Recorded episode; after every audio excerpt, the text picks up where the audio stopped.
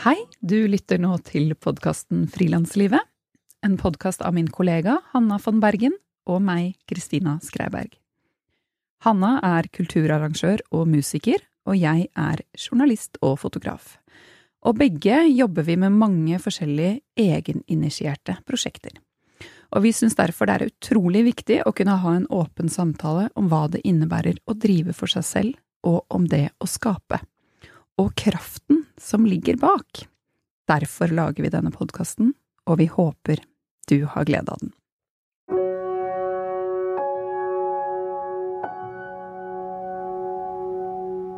Før vi går i gang, så vil jeg bare takke dere som skriver reviews, hva heter det på norsk? Eh, anbefalinger eller tilbakemeldinger til oss på iTunes.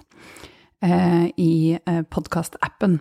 Den lille appen man finner på telefonen sin. Det er bare å gå inn her, og så gå inn på Frilanslivet og scrolle ned, og så kan man både lese reviews og skrive inn reviews. Og jeg vil bare snakke litt om det, fordi det betyr uh, veldig, veldig mye for oss. Uh, og det, det, er sånn dere, hvis dere liker podkasten, så er det sånn dere kan hjelpe denne podkasten å få en økt synlighet.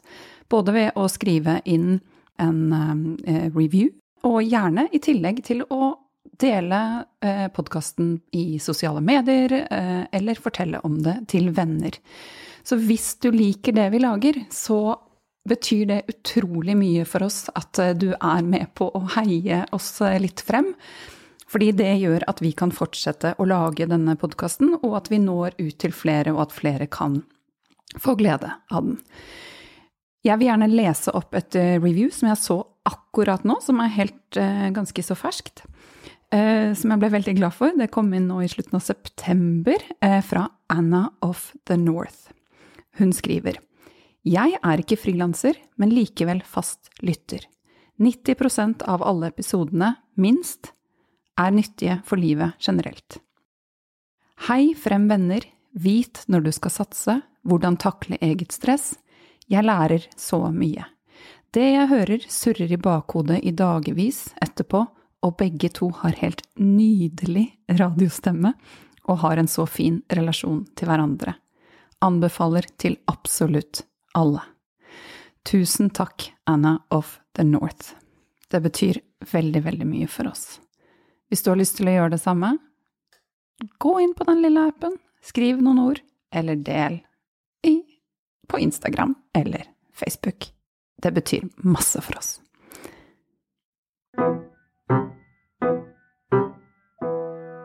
I dag har jeg besøk av designer Ingunn Birkeland. Hennes fargerike, prinsesseaktige kjoler med tyllskjørt og fletteverk har blitt båret på røde løpere i inn- og utland. Hun har flere ganger blitt nominert til designprisen Nåløye og har blitt innkjøpt av Nasjonalmuseet. Ingunn syr kjoler på bestilling, hun lager flettede billedkunstverk, hun maler, har laget skokolleksjoner, lager smykker i emalje, hun strikker… Ja, hun har nesten alltid noe gående. Ingunn er 41 år gammel og er utdannet ved Statens håndverks- og kunstindustriskole, nå KIO. Jeg møtte Ingunn for første gang i 2010. Da dro jeg hjem til henne for å lage en sak for Aftenposten.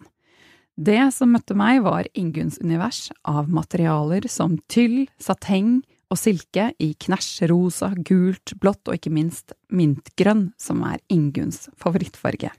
Det var knapper og ruller med satengbånd, sortert etter farger, overalt var det igangsatte håndarbeidsprosjekter, et stort kunstverk hun hadde flettet hang på veggen.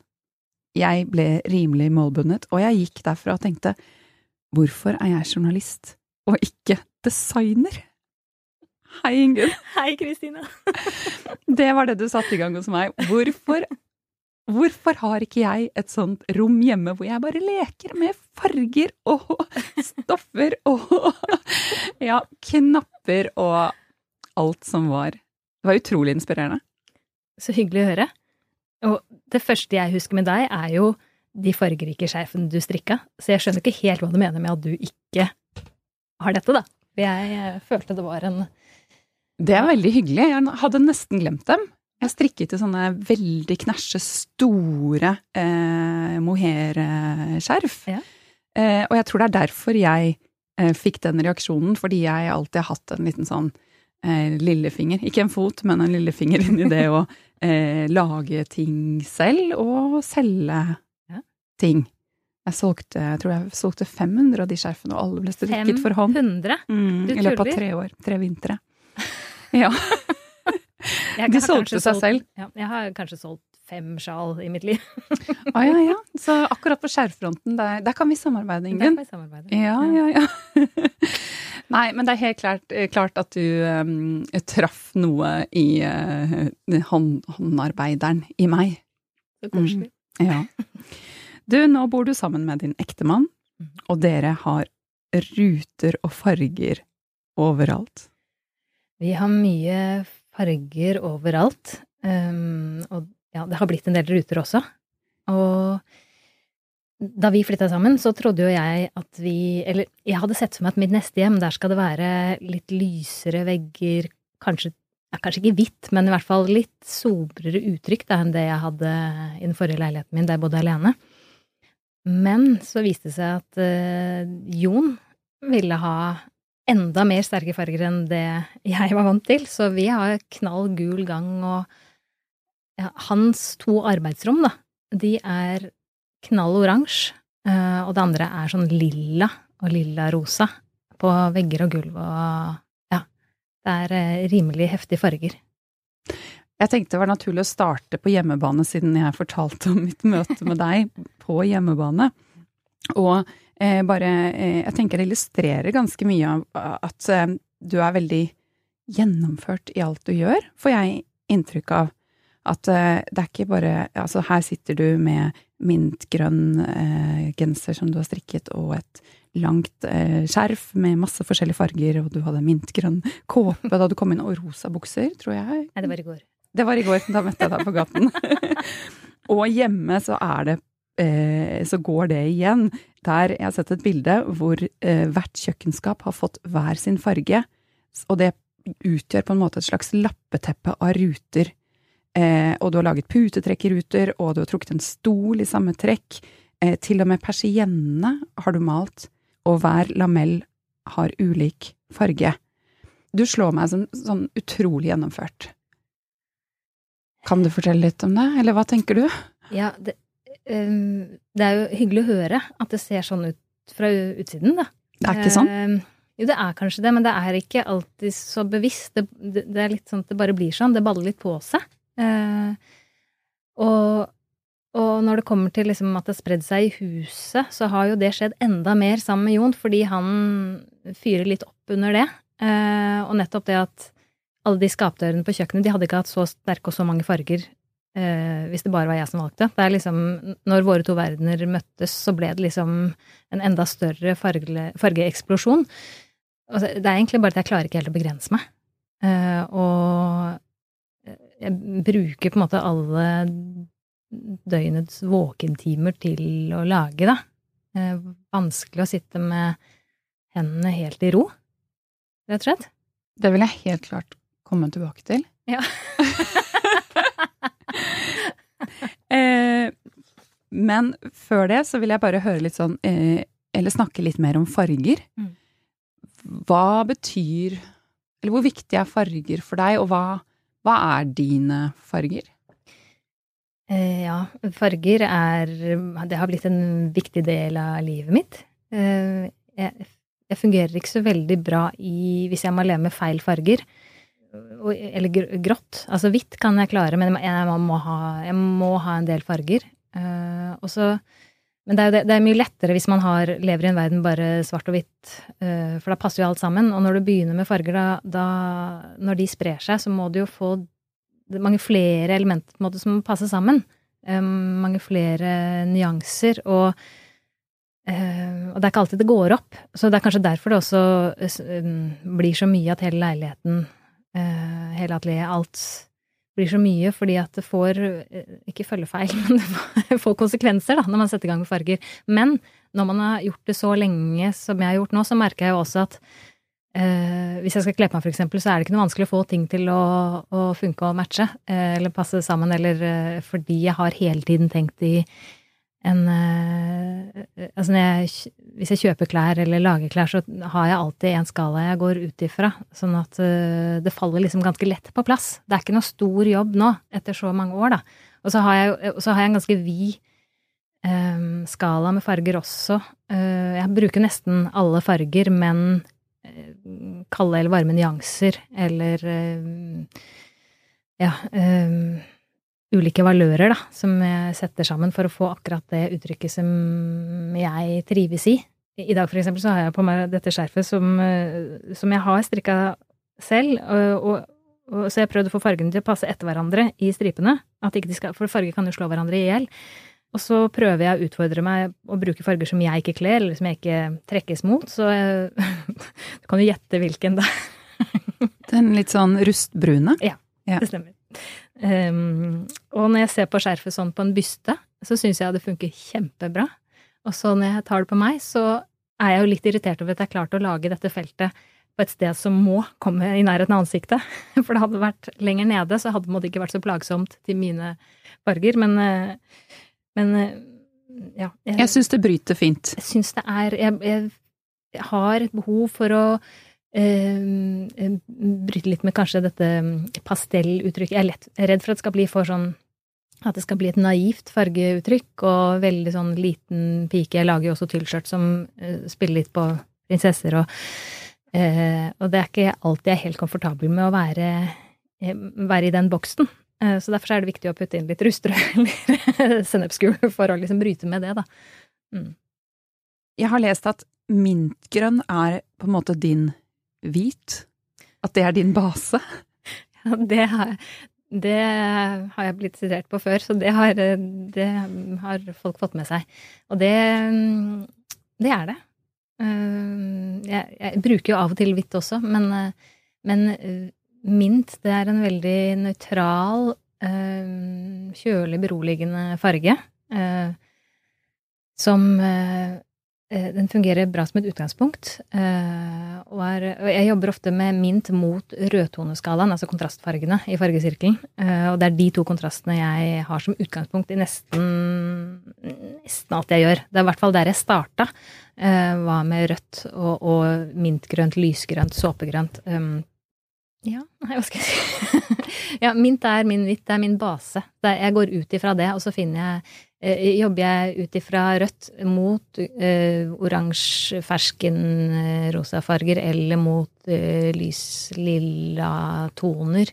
Og så vrir jeg litt på sirkelen og jobber videre andre veien. Men, men det er ofte da Jeg jobber ikke med eh, lys mint og lysrosa bare. Da må jeg ha eh, en, en, en, farge som stikker til også. En sterk oransje eller et eller annet. Så det er, hvis det er de to kontrastfargene, så er det mint og, og ganske sterk rød for eksempel. Syns det blir for heftig med sterk rød og sterk rød. Det må liksom alltid eh, Man må jobbe med, med, balansen.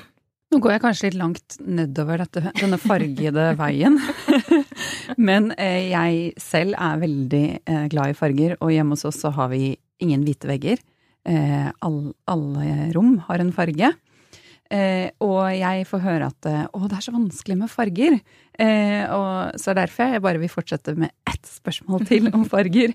For sitter det for deg sånn i eh, fingrene, eh, fingrene, eh, at det går av seg selv, eller har du en, laget en palett, og så holder du deg til den? Mm, har du laget en slags mal som du alltid jobber etter, eller? Ikke en, eh, en, skrevet mal eller en uh, definert mal, men jeg tror den sitter ganske godt i ryggmargen min. Det gjør den. Uh, det går ganske fort.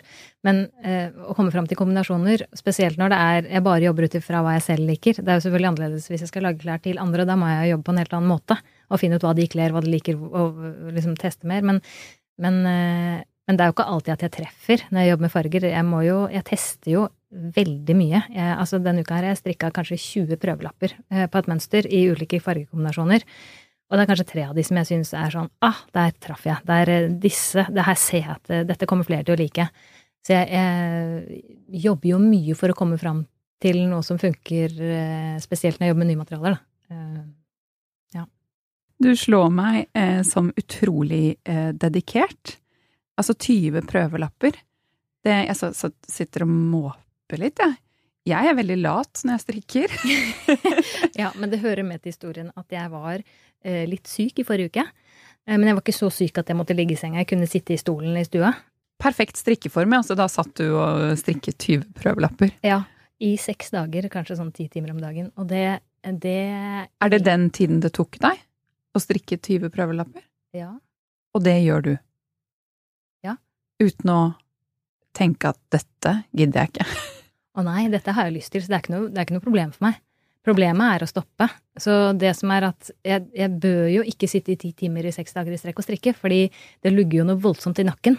Eh, Så da jeg kom til lørdagen, så var jeg jo helt ødelagt. Jeg hadde jo skuldrene oppi her, og det gjorde vondt bare å liksom Jeg, jeg rulla på skulderen, så hørte jeg bare sånn drrr inni der. Så, så nøkkelen til å ikke ødelegge kroppen er jo variasjon i arbeidsoppgaver. Så det ryker jo når jeg sitter og er i sånn superform til å strikke. Fordi da blir du eh, Er besatt riktig Ja, ord, eller? Det, er vanskelig å finne et sånn positivt lada ord på det, men man blir litt hekta. Um, og, det, og det er på godt og vondt, fordi hadde jeg ikke blitt det, så hadde jeg ikke fått gjort så mye som Jeg gjør jo ganske mye, jeg er ganske produktiv, og det hadde jeg nok ikke gjort hvis ikke jeg ble sånn gledelig hekta, rett og slett. For det, det, det sitter veldig lett. Det er faktisk sånn at hvis ikke jeg får laga noe i løpet av en dag jeg pleier å si lage, for skape er så øh, pretensiøst, men jeg står opp hver dag og har et ønske om å lage. Det er det viktigste for meg, i tillegg til å leve med de menneskene jeg er glad i. Eh, Så hvis jeg ikke får gjort det, så blir jeg ikke så Da blir jeg ganske rastløs. Og hvis det går flere dager, det, det skjer jo ikke lenger. Rett og slett. Men det er jo ganske godt gjort å klare å sette av tid til å lage noe hver dag, for man har jo veldig mye annet man også skal gjøre. Masse møter og papirarbeid, administrasjon og e-poster og sånt. Ja. Men uh, Men du har kanskje sett at det må få plass? Ja, og det er en av Ja. Uh, jeg er veldig opptatt av at jeg må gjøre noe jeg syns er gøy. Eh, Da går alt det andre mye lettere. Sånn at i går for eksempel skulle jeg gjøre regnskap, men da hadde jeg jo strikketøyet liggende lenger bort i rommet, sånn at jeg visste at idet jeg er ferdig med det her, så skal jeg strikke. Og da er jeg ferdig med regnskap, trenger ikke å gjøre det på to måneder. Eh, Så det er å ha en gulrot, og gjerne sette i gang den gulroten før man begynner på det kjedelige. Jeg, jeg er tilhenger av å starte med det som er morsomt, eh, og så gå bort og gjøre det som er litt kjedelig, og så gå tilbake igjen til det som er gøy. Hvis du starter med det som er kjedelig hele tiden, da er du som regel så sliten når du er ferdig med det, at, og, og, og seint på dagen, og seint på dagen er det vanskelig å sette i gang med et prosjekt. Men hvis du har starta på det, så er det så mye lettere å plukke det opp. Så det er veldig viktig å, å ha ett eller gjerne flere prosjekter gående samtidig, sånn at du alltid har noe du kan ta opp et, når du er litt sliten, men fortsatt har lyst til å lage noe, da. Veldig godt råd. Og eh, jeg er helt enig. Jeg eh, snur på det mottoet eh, du skal yte før du skal nyte. For Ja. meg så trenger jeg å nyte før Ja. jeg kan nyte. Jeg må på en måte Ja. fylle opp lageret med positivitet Helt og klart. lyst og sånn, og så kan jeg Så er jeg klar for å yte. Yter jo så mye bedre og mer hvis du nyter først. Lite grann. Lite grann, i hvert fall. Men problemet er jo eh, for, eh, altså, med strikking var det en gang Altså omtrent da vi ble kjent, da hadde jeg en periode hvor jeg hadde, jeg hadde lagd eh, jeans. Eh, fått det produsert i utlandet, og det var, liksom, var en liten katastrofe. Jeg fikk ikke det helt til å funke, på en måte. Eh, og, og fikk en del store regninger som var vanskelig å betale, og jeg fikk litt sånn eh, eh, vinduskonvoluttangst i en periode. Og da ble strikking en flukt fra det. Og da funka det ikke helt, for jeg ble sittende og strikke hver eneste dag, og gjerne på dagtid, når jeg burde gjøre andre ting, hele tiden. Eh, Så derfor har jeg hele tiden, helt fram til nå faktisk, passa på at strikking det er noe jeg bare gjør på kvelden. Eneste grunn til at jeg får lov til å gjøre det på dagtid nå, er at uh, jeg tenker at jeg skal lage strikkeoppskrifter og bøker, og at det skal bli jobb av det. At det ikke bare er ting til meg selv, eller ja, fritidssyssel, da. For til nå så har det hovedsakelig vært en fritidssyssel. Uh, ja, det har måttet bli det, fordi at da Altså, jeg er jo overveldet over at du har solgt 500 sjal. Strikka du alle selv òg, forresten? Jeg begynte å få hjelp av mamma. Ja, ikke sant. Så du og mamma, da, men likevel. Det var liksom ikke en, en fabrikk et eller annet sted som satt og produserte dette. Og det, det å leve av det, det i Norge vil jeg påstå ikke går an å strikke for hånd og tjene nok til at man kan sitte og gjøre det eh, med helse Nei, jeg, jeg kunne absolutt ikke leve av eh, de 500 salgene. Det er noe man gjør fordi man syns det er gøy. at er Og fikk senebetennelse og Ja, ikke sant. Det er akkurat det. Uh, og, og jeg har strikka siden jeg var liksom fire år. Eh, og alltid hatt et strikketøy. Men, og da jeg begynte å lage klær etter eh, å skulle jobbe med dette etter Kunst- og håndverkskolen, så, så strikka jeg jo også noen gensere og kjoler og sånn til kolleksjonene, eh, både for hånd og på maskin. Det spilte ikke noen rolle på maskin, for det gikk jo ikke noe fortere, egentlig. Det var like mye jobb, og, og folk var ikke villige til å betale det det kosta å lage. Så jeg skjønte etter hvert at dette her må jeg bare eh, legge bort og gjøre på privaten, fordi det er ikke noe vits å vise det hvis ikke du kan selge på en visning. Det er jo for å ja, få omsetning. Så da, da skilte jeg mellom det. Så strikking har vært eh, eh, hobby, da, i mange år. Eh, og så plutselig nå har jeg skjønt at hm, kanskje jeg kan eh, gjøre det også til jobb. Og da ble jeg jo skrekkelig glad jeg fant ut av det. Ja, vi hadde jo en av Ingridene her som eh, er en av de som driver Fabric. Den episoden hørte jeg. Ja, Ja, i forrige uke, da jeg var syk. så fint mens du strikket.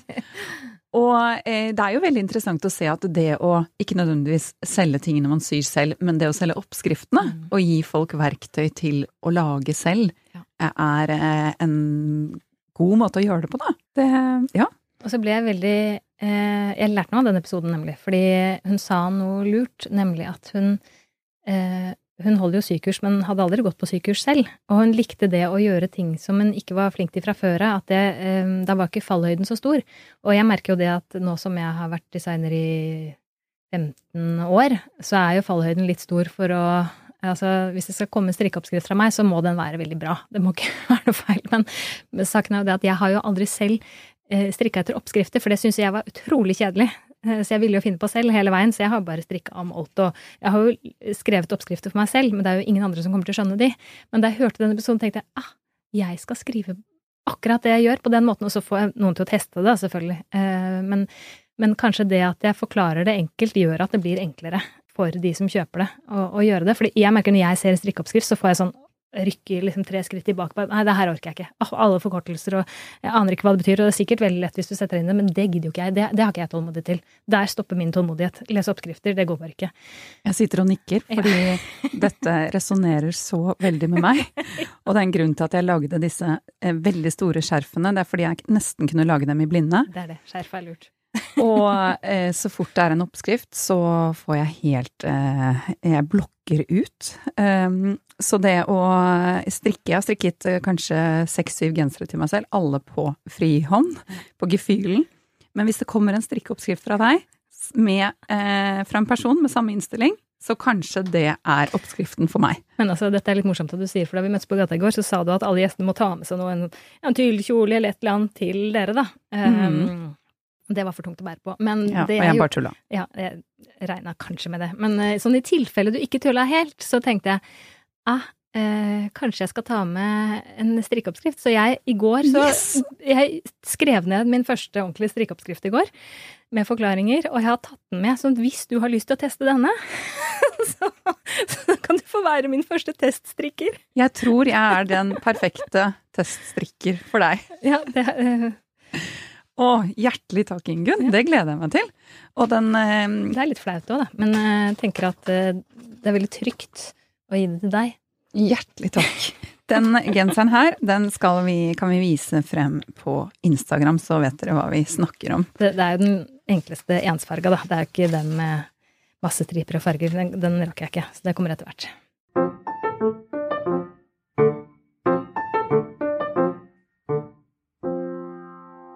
Vevde rutemønstre i eh, satengbånd, Ja. det har blitt eh, en signatur. Um, og dette går igjen i, det, i mye av det du gjør. Eh, kan ikke du fortelle litt om hvordan, hvordan ble det en signatur? Ja, det starta med bare sorte bånd, som jeg skulle lage et belte til en kjole av. Eh, og da gjorde jeg det ikke på den måten, da, da fletta jeg det eh, som en flette med mange tråder, det som kalles flammebånd, som man brukte som strømpebånd, og bruker som strømpebånd på bunader, mange bunader har det.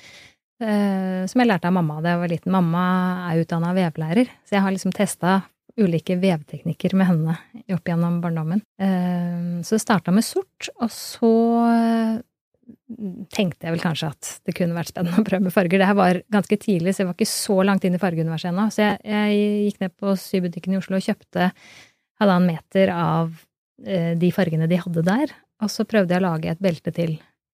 Eh, og det ble ikke så veldig fint, eh, så jeg holdt på å bare legge det bort. Men så hadde jeg vel noen innom som kommenterte at oi, det var spennende, det var gøy.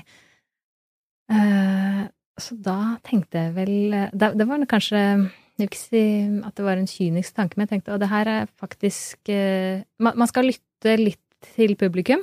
Uh, man skal ikke um, gjøre det helt blindt, eh, men dette her Jeg tenkte at dette var eh, lurt å ta med seg, da. Så jeg testa litt videre med flere farger og prøvde For det jeg hadde gjort da, var veldig mye sånn primærfarger og sterke farger. Uh, og da ble det litt sånn klovnaktig. Uh, og litt for mye. Men så kjøpte jeg litt andre farger og flere bredder på båndene, og testa videre. Uh, og så fant jeg etter hvert et uttrykk som jeg syntes var spennende. og så, ja, så gikk det over til å bli slips og overdelen på kjoler og ja, vesker og sko og sånn. Og så og, og, så lagde jeg en, en, kiste til en visning. Jeg har jobba mye med, uh, med, Linda Sande, eh, som er stylist.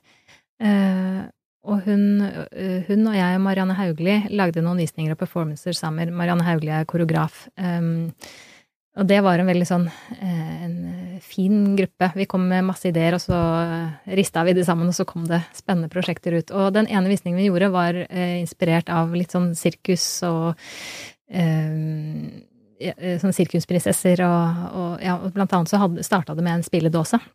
Som den ene eh, danseren eller ene modellen kom gående ut med, eh, og åpna opp. Eh, og satte på catwalken.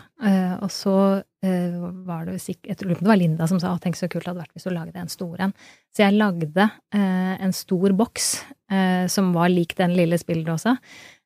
Som ble båret ut før visningen, og så kom en av da brukte vi også dansere, ikke bare modeller. Kom, dansa ut.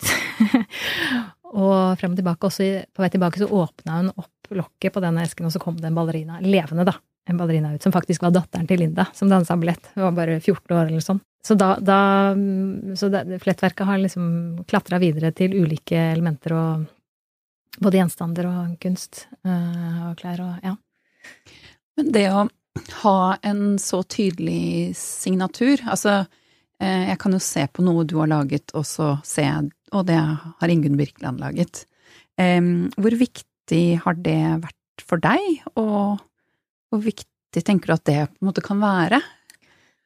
Jeg tror nok at det at jeg har hatt eh, både fargene og dette rutemønsteret som flettverket er, for jeg har brukt det også grafisk etterpå, overført det til ja, pledd og sånne ting, at det, den gjenkjennelsesverdien som ligger i det, den har vært ganske avgjørende, eh, tror jeg. Det er eh, du har gjort et samarbeid med Røros Tweed, mm. hvor du har laget uh, kjempefine uh, Eller mønstertrykket ved designet på uh, kjempefine pledd, hvor disse rutene går igjen. Mm. Og jeg tenker det å få et sånt samarbeid, det, det handler jo kanskje om at ja, du har den, den signaturen er din. At det blir helt tydelig at det, her er det et samarbeid med, med deg.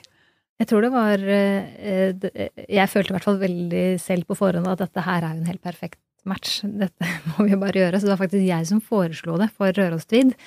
Eh, og jeg hadde tenkt på det i mange år. Hver gang jeg så pleddene hjemme, tenkte jeg åh, så gøy det hadde vært å få gjøre noe med dem. Eh, og viktig lærdom det at man kan bare egentlig pitche det inn selv. Å ja. Det er nesten ingenting som kommer til meg.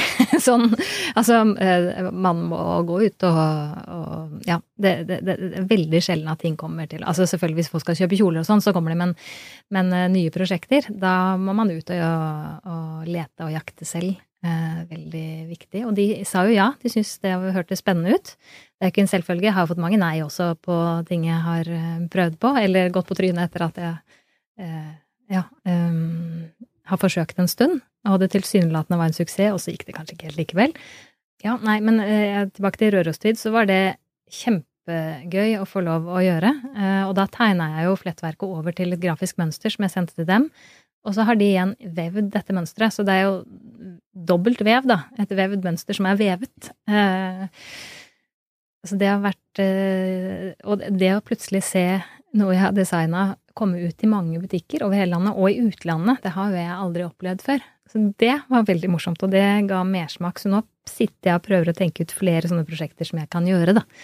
Eh, sånn at det jeg lager, kommer ut i flere. Fordi mye av det jeg har gjort, har jo vært eh, ganske smalt, selv om det har blitt sett av ganske mange, og jeg har fått mye oppmerksomhet for det, og opp igjennom så har det likevel vært ja, eh, man kan si kostbare produkter. Det er fordi det er håndlagd av meg, stort sett, i Norge.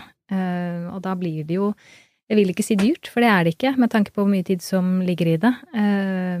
Og folk har Det er jo noe annet, en liten kampsak for meg, at man, man stusser ikke over å bruke 15 000 kroner på en mobiltelefon som er masseprodusert, men men 15 000 på en kjole som er håndlagd i Norge, det river litt for mange. Og her har vi en, fortsatt en jobb å gjøre. Og jeg, jeg tror at ja, Nå hopper jeg kanskje over til noe litt annet, men det er eh, det at folk har begynt å sy, og under unntakstilstanden nå har begynt å, å sy selv, er helt supert. Fordi da får man forståelse for hvor mye tid og arbeid, eh, kunnskap det ligger i å skape et klesplagg fra bunnen av eh, som at denne kunnskapen har blitt helt borte for oss eh, i en verden med masseproduksjon eh, av klær og alt mulig annet også. Så det, jeg heier skikkelig på å, å sy selv. Jeg syns det er en helt sånn fantastisk kjærkommen bølge som skyller over landet akkurat nå.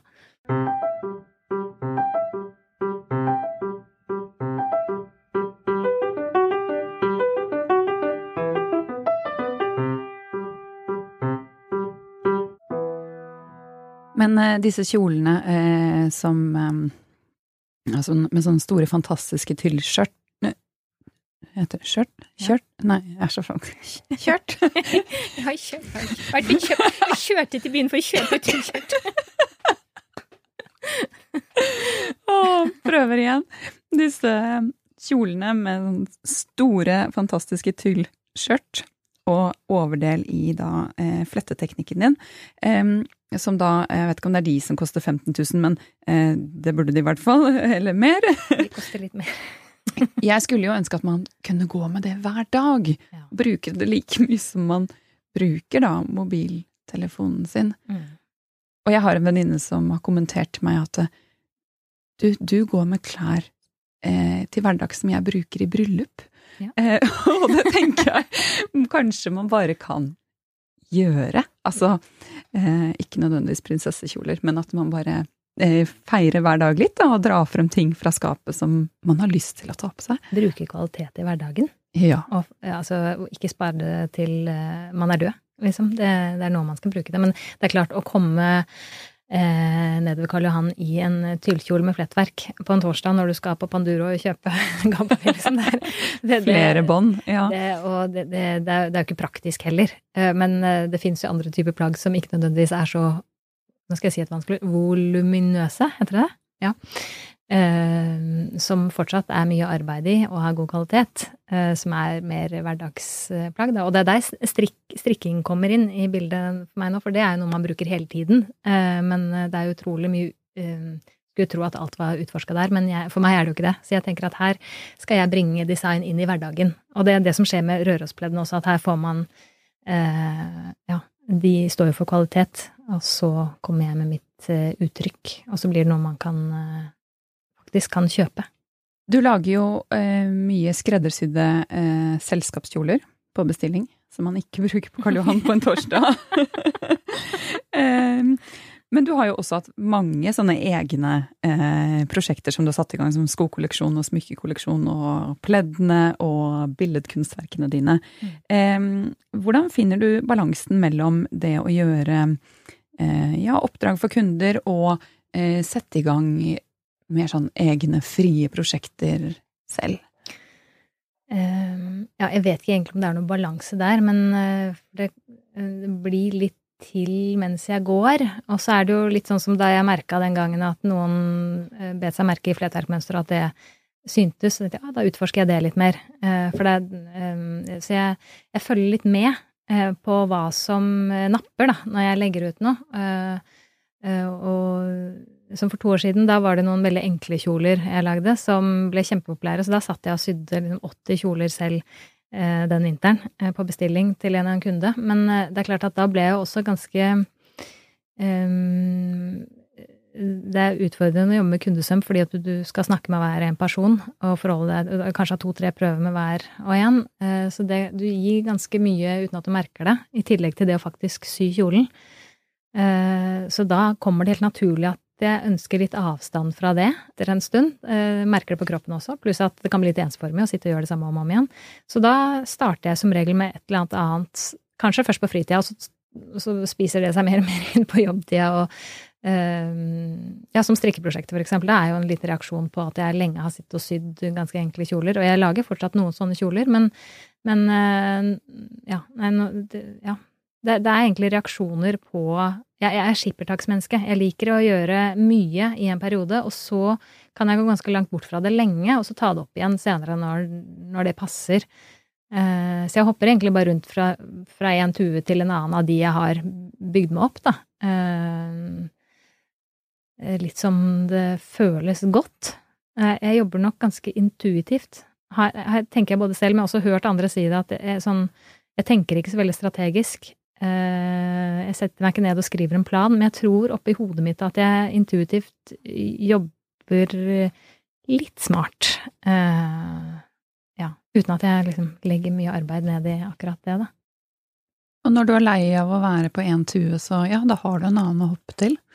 Ja, da ser jeg hvilken av de andre som virker eh, fristende, eller som kan, kan være lure, da. Eh, eh, akkurat nå, for eksempel, det med å strikke og lage oppskrifter er jo helt klart også fordi vi har sittet mye stille inne hjemme, og mange, eh, enda flere, nå har strikkebølgen vart i mange år allerede, og å sy selv eh, eh, er jo godt i gang, men det å lage oppskrifter, det er jo har jo kommet litt av unntakstilstanden også. hva kan jeg gjøre? nå? Fordi jeg, må, jeg ble jo ganske satt ut da det, dette skjedde. Jeg tenkte fort at dette her er uh, alvorlig, og det kommer til å påvirke oss i lang tid, uh, på måter som vi ikke vet om. Uh, men det har jeg opplevd før òg. Vi hadde finanskrisen, og vi har hatt inntog av en netthandel, bloggere og influensere, som tar over markedet på en uventa måte. det må man jo bare forholde seg til. Man kan si 'å nei, det er dårlig, det, det vil vi ikke ha', liksom. Det, sånn er verden. Eh, så hva eh, Det å mm, gjøre litt omstilling, da, tror jeg er veldig viktig. Og det har jeg nok fort gjort, for det er så viktig for meg å jobbe med noe jeg liker. Sånn at jeg er villig til å endre på hvordan jeg jobber for å kunne fortsette å gjøre det, istedenfor å måtte få meg en, en, fast jobb da, et sted. Eh, jeg må innrømme at under unntakstilstanden så tenkte jeg at det ah, hadde vært fint å ha en fast jobb hvor det var lett å liksom få penger fra Nav nå. Men men, men, nå ser jeg at det liksom skal, jeg skal nok få det til likevel. Men da dette skjedde, altså da covid-19 eh, førte til at Norge stengte ned i mars, eh, så satt jo du i gang noe som eh, jeg syns er veldig, veldig fint, og som mange andre har kommentert at det er veldig fint, som du har kalt kulturdugnad. Ja. hvor du hver Er det hver uke? Nå, nå, er det hver uke. I de første 52 dagene var det hver dag. Ja. Mm. Hvor du viser dine følgere en ny norsk eh, designer, eller eh, håndarbeider, ja, eller design, kunstner. Kunstner eller kunsthåndverker. Ja. Som du mener fortjener å bli sett av eh, flere og andre. Ja. Eh, og nå så jeg den siste du la ut, så er du oppe i 71 mennesker. Da la du ut eh, eh, om Jannik Abel, mm. som vi har som en episode her i Frilanslivet, som jeg virkelig anbefaler. Mm. Eh, fortell hva som fikk deg til å sette i gang det her. Frykt. ja, det, jeg ble ganske redd, jeg, ja, den dagen hvor regjeringa eh, gikk ut og da de snakka om eh, de første permitteringene eh, skulle trå i kraft. Eh, fordi det første som ryker når økonomien er dårlig, det er jo luksusvarer og overskudd. Og jeg kan jo plassere meg godt inne i litt sånn overskuddskategorien. Um, selv om jeg selv mener at dette er nærmest et primærbehov. Uh, så, jeg eh, ble ganske bekymra da det skjedde. Uh, begynte nesten å gråte et lite halvt minutt der. Så, men det var liksom ikke Jeg tenkte jeg dør jo ikke av det her.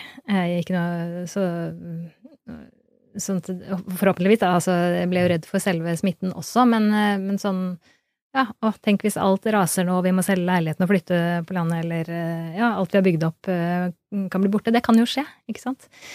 Eh, men, men.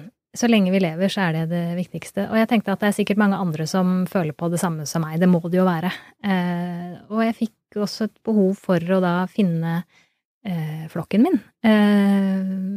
Og jeg har ikke vært sånn skrekkelig opptatt av det eh, tidligere, fordi jeg har brukt mye tid på å beskue min egen navle, eh, som man jo må gjøre, tror jeg, for å um, Eh, ja, man er nødt til å kikke innover, da, når man skal skape, og skape mye og ha prosesser og sånn. Men, og jeg har jo løfta blikket innimellom og fått med meg at det skjer ting der ute, men jeg har aldri tatt meg ordentlig tid til å gå så mye på utstillinger og se andre, eller lese meg opp på andre. Så jeg blir ofte litt sånn flau når folk 'Å, har du hørt om den og den?' De lager kjempefine et eller annet. Jeg bare «Ah, hørt navnet, men nei, jeg vet egentlig ikke. Sånn jeg har lenge hatt behov for å sette meg bedre inn i hva som skjer rundt meg i Norge, og også øh, vise det fram, fordi det er ikke alltid jeg syns at riktige personer får øh, den oppmerksomheten de fortjener i Norge. Er, nå har jo alle fått et talerør i sosiale medier, og, og, og da, mm, så, men, men, det er jo også veldig skummelt. Jeg syns det er skummelt å skrive.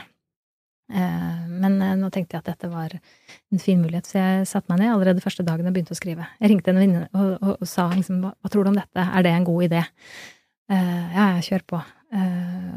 Og så starta jeg jo med, med, folk som jeg kjenner de første ukene, og så begynte jeg å spørre litt andre også skrekkelig skummelt, det å skulle spørre folk. Og veldig sånn Jeg har jo sånn, Jeg er ikke så glad i å svare på e-poster og, og, administrasjon og sånne ting. Nå satt jeg jo i en stol i 52 dager. Jeg, lag, jeg fikk ikke gjort noen av mine egne ting, og la ikke noen bilder av, mitt. Og det var helt nytt for meg, for jeg legger jo stort sett ut nesten hver dag noe jeg holder på med. Men øh, Og mange ble veldig glad øh, for dette her, for det var jo øh, skummelt. Jeg var ordentlig redd de første ukene. sånn det var mye De fleste sa ja det var én som, som, ikke ville bli med, men ellers har alle sagt ja. Uh, og i starten så var det jo litt for å få opp aktiviteten og øke salget uh, hos andre. Um, og så etter hvert så merka jeg jo at jeg ble opptatt av uh, min egen rolle av den som valgte ut. Altså jeg ble en slags selvutnevnt kurator da, for dette prosjektet.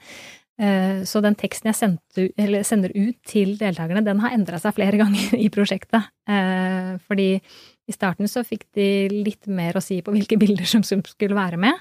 Men så skjønte jeg, sånn som nå, da, så sender jeg ut uh, disse bildene jeg har valgt ut, og dette er kriteriene for hvorfor jeg har gjort det. For det, det blir viktig med å få en rød tråd, at det, passe, det må passe inn i uh, Det må bli en sammenheng, for hvis ikke så kan det bli veldig rotete. Uh, så jeg bruker på en måte mitt fargeunivers i utvelgelsen, sånn at det skal stemme overens. Men, men jeg er ikke, jeg er ikke jeg går litt utenfor komfortsonen, og mer og mer, kanskje, men jeg prøver å få det til å henge sammen, da. Og når jeg formulerer det, så, så får jeg da, da er det ingen som stusser over utvalget av bilder. Eh, så, den, så, jo mer tydelig informasjon man sender ut, jo lettere blir jobben etterpå når jeg får tilbake. For én ting var at de som var med, opplevde å, å selge og få ganske ålreit økonomi de ukene det pågikk.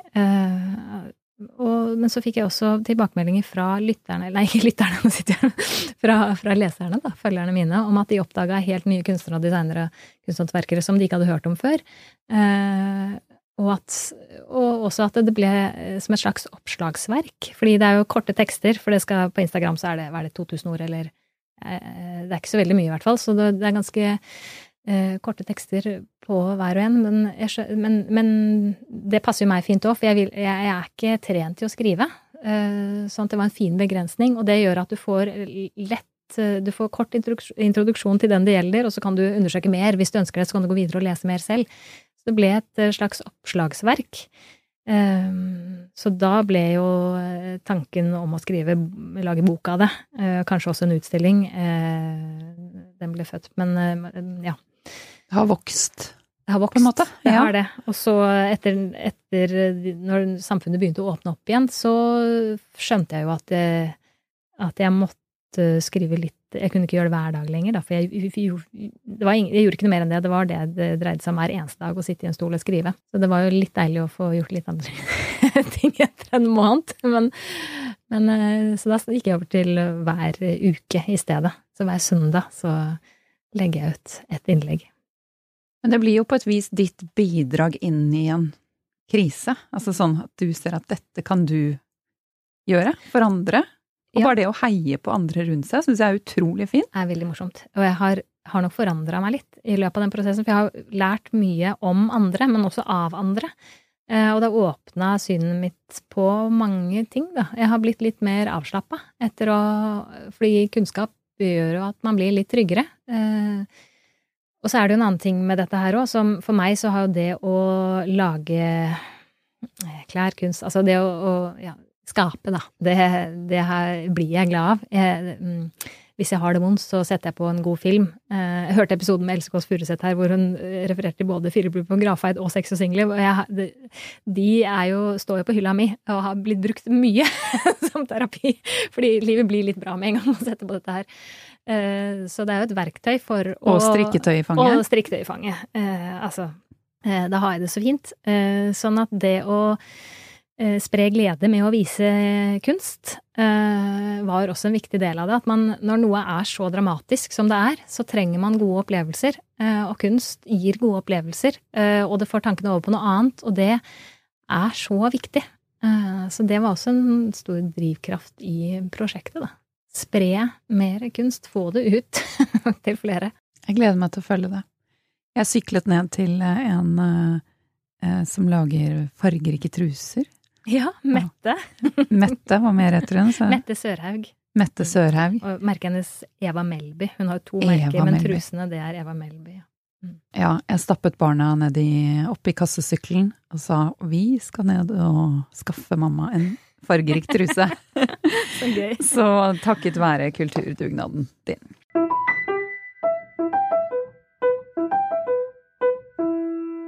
Eh, Du, Ingunn. Ja. Eh, ganske mange eh, kjentfolk, spesielt mange skuespillere, Mm. eh, har båret dine kjoler på den røde løperen. For eksempel Ane Dahl Torp, eller Lisa Stokke da hun var eh, gikk den røde løperen under Oscar-utdelingen i USA. Da lurer jeg liksom på hvordan har Hvordan har det skjedd? Hvordan får man kjolene sine på en kjendis på den røde løperen?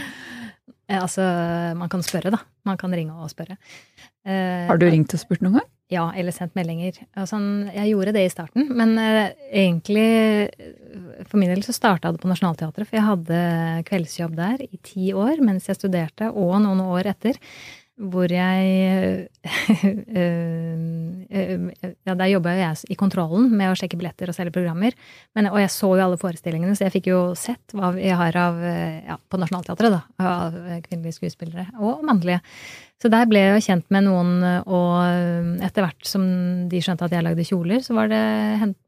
Jeg spurte noen ganger, og så kom de av og til til meg òg. For da, hvis du først har gjort det på én, så sprer det seg jo litt. Så det er jo det å sette i gang den ballen. Men Nationaltheatret var et, eh, altså det var et fantastisk sted å jobbe. Jeg elska jo å, å jobbe der. eh, Og se Kunne jo sitte og se forestillingene Eller vi måtte faktisk se forestillingene mens vi var på jobb, for noen må sitte inne. Eh, Så det starta der, for min del. Men eh, man kan jo bare eh, sende en forespørsel. Eh, Det var kanskje lettere før. Nå er det mye sånn eh, agenter og, og sånn, så det er ikke alle som er så lett tilgjengelige. Men eh, ja. Nei, man kan spørre. Du har laget en del plagg som eh, utelukkende er sydd av restmaterialer. Eh, fortell. Ja, det er jo også litt sånn reaksjon på tiden vi lever i, at det er eh, Altså, for ti år siden så eh, handla det i, nor i norsk mote om å ekspandere og komme ut i verden. Man skulle være kommersiell, og hvordan skulle man få i gang produksjon? Man skulle vokse og starte AS og Det var da jeg holdt på med skoprosjektet, og jeg trodde jo også at jeg skulle vokse og bli kjempestor med det, og fikk jo støtte fra Innovasjon Norge og greier til første fase. Men jeg skjønte at det ble eh, for stort og vanskelig, og jeg, jeg, da mista jeg helt kunsten i det. Så jeg, jeg droppa å søke videre på det. Eh, Så for meg så falt det naturlig. Men, men vi har for mye klær i verden. Når man brenner designvesker eh, for å bli kvitt det, eh, overskuddet, så er jo det et tegn på at eh, noe har gått veldig galt. Sånn at det å, å sy av restematerialer er jo på en måte mm, mm, mitt svar, eller den veien jeg tenker at det må gå. Eh, kanskje ikke akkurat de store kåpene mine som er eh, Det er jo et kunstprosjekt også. Jeg lager det jo for galleri og for, som en idé som kan inspirere videre. Men, eh, og nettopp det, at det kan inspirere andre til å, å, å, å gjenbruke materialene som allerede eksisterer, til å skape noe enda finere og nytt enn det man får ved vanlig produksjon. Da. Og det, der er det jo en bølge, så jeg er jo på en måte bare en del av den bølgen som allerede eksisterer. For du har laget en chiffon-fusk-pelskåpe. ja. Og noen ganger tenker jeg at eh, ting nesten kan bli finere når man har en sånn eh, stram ramme. At du skal bare bruke det du har igjen. Ja. Det, jeg har, jo, jeg, og jeg har tenkt mye på det, fordi at uh, dette her er jo restemateriale for alle chiffongkjolene jeg sydde i de første årene. Da sydde jeg ekstremt mange chiffongkjoler, som brudekjoler og selskapskjoler på bestilling.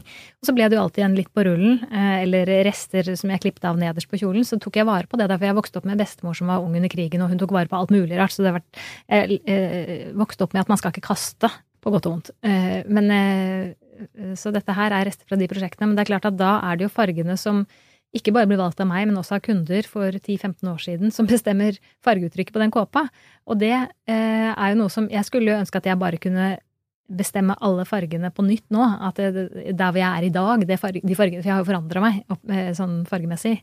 Eh, men, men, samtidig så syns jeg det er såpass spennende å se hva det kan bli, at jeg at jeg gjennomfører det. Men det er klart at da passer jo ikke alltid alle klærne jeg lager sammen, for det er jo ulike prosjekter som da skal stå ved siden Så da må jeg liksom separere det litt. De kan ikke stå ved siden av hverandre alltid. Uh, og det er derfor jeg av og til blir overraska over at folk sier at det er så helhet på det du gjør, og det henger sammen som ah, Nei, det, er, det, gjør jo ikke alltid det, men bare, da må jeg bare passe på å, å, skille det. Ikke legge de to bildene etter hverandre på Instagram, for eksempel.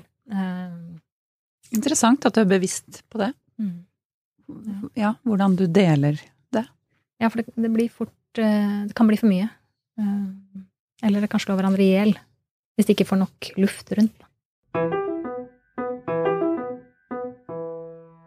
Det å jobbe som frilansdesigner, er det noe Er det noe ved det som er krevende? Fins ja, det noe? noe, skal vi se Nja. Eh, ja, usikkerheten eh, Eh, er jo krevende, men friheten er så viktig for meg at jeg klarer å leve med usikkerheten. Så, men det, det der fra hånd til munn-opplegget, som jeg har drevet med i veldig mange år, det kan jo slite veldig på. Og eh, når jeg blir syk, da kan jeg bli veldig stressa hvis ikke jeg har en buffer. Jeg hørte i en episode at du har liksom en bufferkonto på to måneder eller noe sånt oppspart. Bare Det har ikke jeg, jeg har et mastercard. det er min buffer, og det, det er ingen sunn buffer. Så, så, den økonomiske usikkerheten ved det, den er lei, pluss at det er vanskelig å få lån og Ja, man stiller ikke sterkt på sånne ting. Og jeg er ikke noe glad i sånn jeg er ikke noe god til å skrive søknader. Jeg har gjort det, men jeg har ikke fått så mye, da. Eh, jeg har liksom ikke knekt helt koden. Jeg har jo skjønt mye mer eh, nå, og etter å ha hørt episodene deres også. Jeg at her og skrev stikkord i forrige uke, fra der hvor det handla om hvordan skrive en god Eh, søknad, stipendsøknad. Gleder meg å høre. ja, nå gjenstår det bare å utføre det. For det, det, det, den kneika der er jeg ikke så tålmodig som ja, jeg har nevnt. Men nei, det er eh, Men det, ja, det er klart det er utfordringer, og man møter jo Man må jo Man er sin egen sjef, man har mange hatter, og man må Man blir jo ganske flink til å eller man blir en slags menneskekjenner, for man jobber med ulike personer hele tiden. Men det er jo også veldig bra at man blir. Eh, det er jo en styrke etter hvert. Men man kan jo få seg noen overraskelser underveis som man kanskje ikke får som vanlig ansatt, da. Eh, hvor en eh, arbeidsplass har ansvar og en sjef bestemmer hva du skal gjøre. Jeg funker ikke så veldig bra med, med sjefer, for jeg liker å bestemme selv. Det har jeg alltid gjort. Det, det, det, er kanskje ikke så sympatisk. Og det er ironisk at jeg har kalt prosjektet mitt Kulturdugnaden, fordi er det en som snek seg unna dugnadene i ti år da jeg bodde før, så var det meg. Jeg skrev faktisk opp i kalenderen når det var for å huske på å ikke være hjemme. men, men, men, der jeg bor nå, der har jeg gått inn for å være med på dugnaden. Så. Men, sånn, du har forandret deg? Ja, jeg, har, jeg har uh, korrigert meg selv, for det er et usympatisk trekk. Da. Og det er ikke det at jeg ikke vil delta, men jeg liker å bestemme selv når jeg skal gjøre det, og jeg blir mer effektiv når jeg finner ut av hvordan jeg skal gjøre det selv, enn når andre gir meg oppgaver. Uh, så det, det, er egentlig bare det. Uh, pluss at sånn møtevirksomhet og sånn, det bare det orker jeg ikke. Det går så mye tid til å prate istedenfor å gjøre. Så, så, jo mer jeg jobber alene, jo mer får jeg gjort. Men så klart så må jeg jo ut og samarbeide på prosjekter, og det liker jeg veldig godt. Det å, sånn som med Rødstrid, da. Eh, ha dialog med dem, og da lytter jeg til hva de vil ha. Det er ikke noe vits at jeg kommer der og sier hei, jeg vil lage akkurat sånn, og hvis ikke dere vil ha rosa, så gidder jeg ikke. Eh, så der har jeg til og med justert på farger som de tror kan fungere i markedet. Fordi jeg er opptatt av å få gjøre mer eh, med dem, eller at det skal selge, hvis ikke så er det jo stopp. Sånn at ja, balanse er jo et stikkord, da, oppi alt. Men har du perioder hvor du ikke orker å lage ting. Hvor du er lei av å skape, hvor det på en måte er litt en sånn stopp. Altså fordi det, Du forklarte jo dette med disse forskjellige tuene veldig fint. Men er det noen ganger du har bare lyst til å stoppe opp og ikke hoppe til noen av dem? Svaret er nei. Det er enkelt og greit nei. Det har jeg ikke lenger. Det er eh, jeg har altfor mye jeg har lyst til å gjøre, så idet jeg er ferdig med noe, så har jeg liksom ti andre prosjekter som står der. Så utfordringen er rett og slett å klare å slappe litt av og lage litt rom til å leve, da. Eh, jeg gjør jo det. Jeg har blitt mye flinkere, og jeg har blitt mye flinkere sammen med Jon til å ta fri og, og så, Men for eksempel på kvelden når vi ser på film eller på TV, så strikker jeg samtidig eller broderer fordi eh, jeg tror jeg har arva etter bestemor. Det å alltid ha noe i hendene. Jeg liker det å, å gjøre to ting på en gang. Da. Sånn som når jeg jobber og syr, så har jeg enten på en film jeg har sett flere ganger i bakgrunnen, eller frilanslivet. Fordi jeg har jo ikke begynt med podkast før nå, så det er egentlig den eneste jeg har hørt. men, men, jeg liker det å, at det skjer to ting samtidig. Jeg, ikke, jeg, jeg liker ikke å strikke strikke i stillhet, for eksempel. Det, det ser jeg ikke poenget i. Ja, hvis jeg går på kino, da klarer jeg å ikke ta med strikketøyet. Men eh, da har jeg popkorn og godteri eh, i stedet. Men eksisterer det en balanse mellom jobb og fritid i ditt kunstnerliv?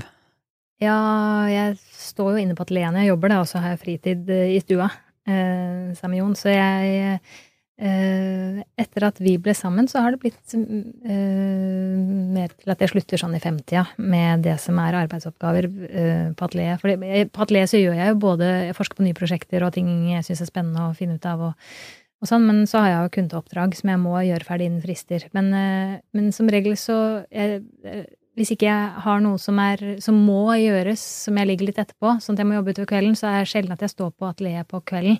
Da går jeg ut og ser sammen med Jon, og så har jo vi våre kunstneriske prosjekter som vi gjør sammen. Eh, så, så vi sitter mye rundt liksom, spisebordet og hører musikk og eh, tegner eller eh, skaper sammen. Så det er på en måte fritiden, frirommet vårt. Så det, er, det, det har mye, blitt mye mer et skille sånn i døgnet, da, på hva som er fritid og hva som er jobb, som er veldig fint, fordi det gikk mm, jeg bruker jo de timene jeg har, så hvis Jon for eksempel er ute med kompisene sine en kveld, da fortsetter jo jeg på atelieret, så da står jeg der til han kommer inn døra. Og det er ikke så bra, for da er jeg ganske sliten, og jeg er ganske sliten på en sånn vond måte at eh, dagen etter så kjennes det nesten ut som jeg har vært på fest dagen før og drukket.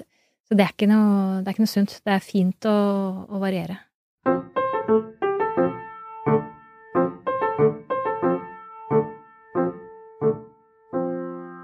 Det er jo, eh, som vi har vært litt inne på, eh, mange krevende ting ved det å drive for seg selv.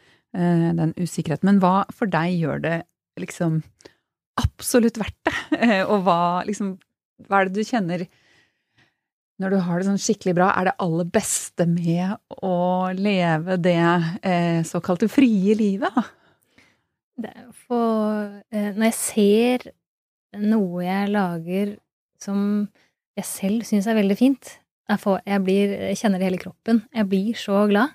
Og det å få gjøre det litt, om ikke hele tiden, men litt hver dag, det gjør jo at eh, jeg er lykkelig i jobben.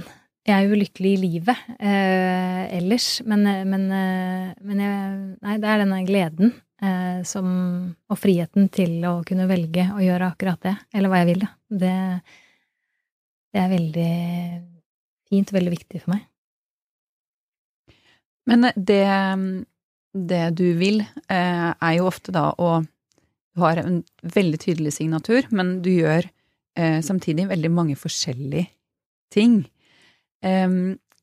Kan du Og det kjenner jeg meg veldig igjen i. Jeg liker at eh, når jeg er litt mett av noe, som du også nevnte, så kan jeg snu meg mot noe annet. At det alltid er noe annet jeg kan ta tak i, eller, og som er veldig tilpasset den dagsformen jeg har, eller hvor jeg er i livet akkurat da. Ja. Eh, at det alltid er noe å plukke opp. Men har det en bakside for deg? Altså kan det gjøre deg litt ko-ko, eller eh, kan det kjennes som at det alltid er noe du noe mer du burde ha gjort på en av disse turene? Ja, absolutt. Så, så det er tosidig, det der. Jeg, jeg, blir jo aldri ferdig med noe altså, Jeg blir ferdig med prosjektet, men det er alltid noe nytt jeg vil gjøre. Og den følelsen kan være litt vond, men samtidig så tenker jeg at den dagen jeg ikke har noe mer jeg vil gjøre, så er det vel litt over, da. Eh, sånn at jeg tror jeg har bestemt meg for å være glad for at det er mye som er uferdig. At jeg må lære meg å leve Altså, man må lære seg å leve med usikkerhet i livet. Uh, og med seg selv? Og med seg selv. så, det, så det, det, at uh, Så jeg prøver ikke å dyrke den smerten over at jeg ikke får gjort alt jeg vil med en gang, for jeg vil helst ha fått gjort alt i går. Uh, og så for hver Jeg har også sånn helt urealistisk mål ikke, ikke, Jeg skriver ikke ned målene, men jeg tenker i dag skal jeg jeg skal jogge, og det gjør jeg ikke så veldig ofte, men jeg, jeg, tror liksom at jeg skal få gjort det, og skal få gjort regnskap, og jeg skal sy et par kjoler, liksom. Jeg rekker jo selvfølgelig ikke det, men på slutten av dagene da jeg ikke har fått gjort alt det der, så, så, er jeg ikke misfornøyd med det. Da er jeg bare glad for at jeg har fått gjort det. Jeg har i hvert fall fått gjort det jeg har fått gjort.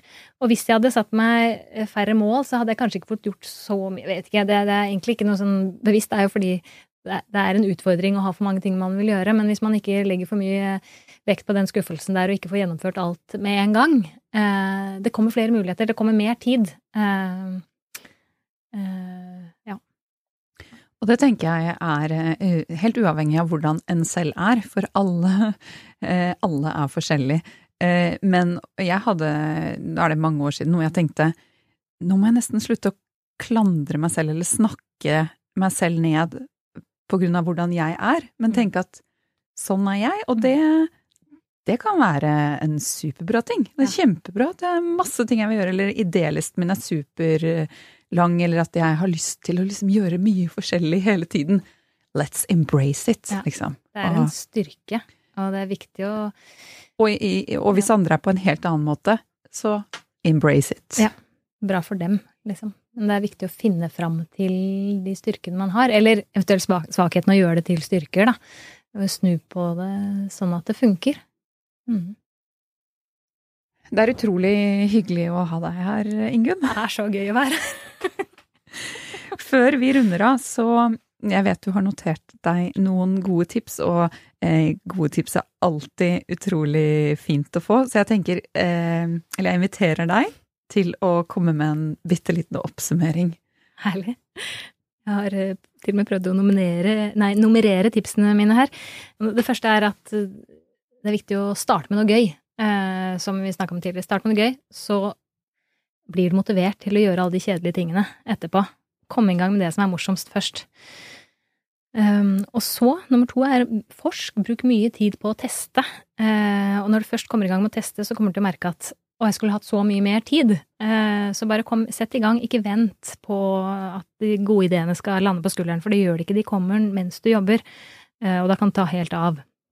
Og så har jeg skrevet opp lytt til konstruktive tilbakemeldinger, men ikke følg alle råd som kommer fra andre, for det kan få deg ut på omveier som du ikke vil ha. Og bruk eh, magefølelsen.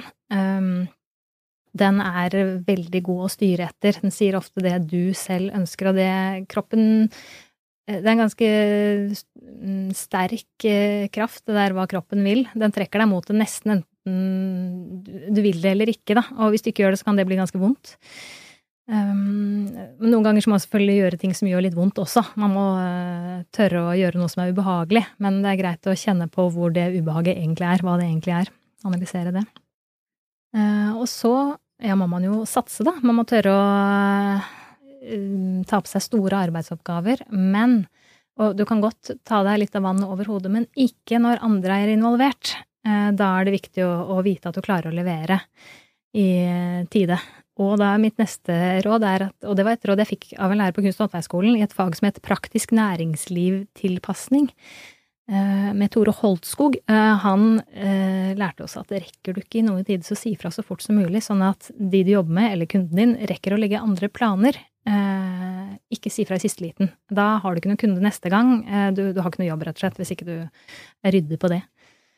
Um, og så kommer det mer til sånn når jeg sitter og jobber med mine egne ting um, Hvis jeg gjør noe feil, eller hvis jeg har lagd et flettert og så er det noen farger som bare det skurrer så innmari, så det er veldig, og det, hvis det skjer på slutten av dagen, så tar jeg alltid opp det som uh, er feil, eller rekker opp i sømmen, eller hvis du har sydd feil, altså rette opp i feilen.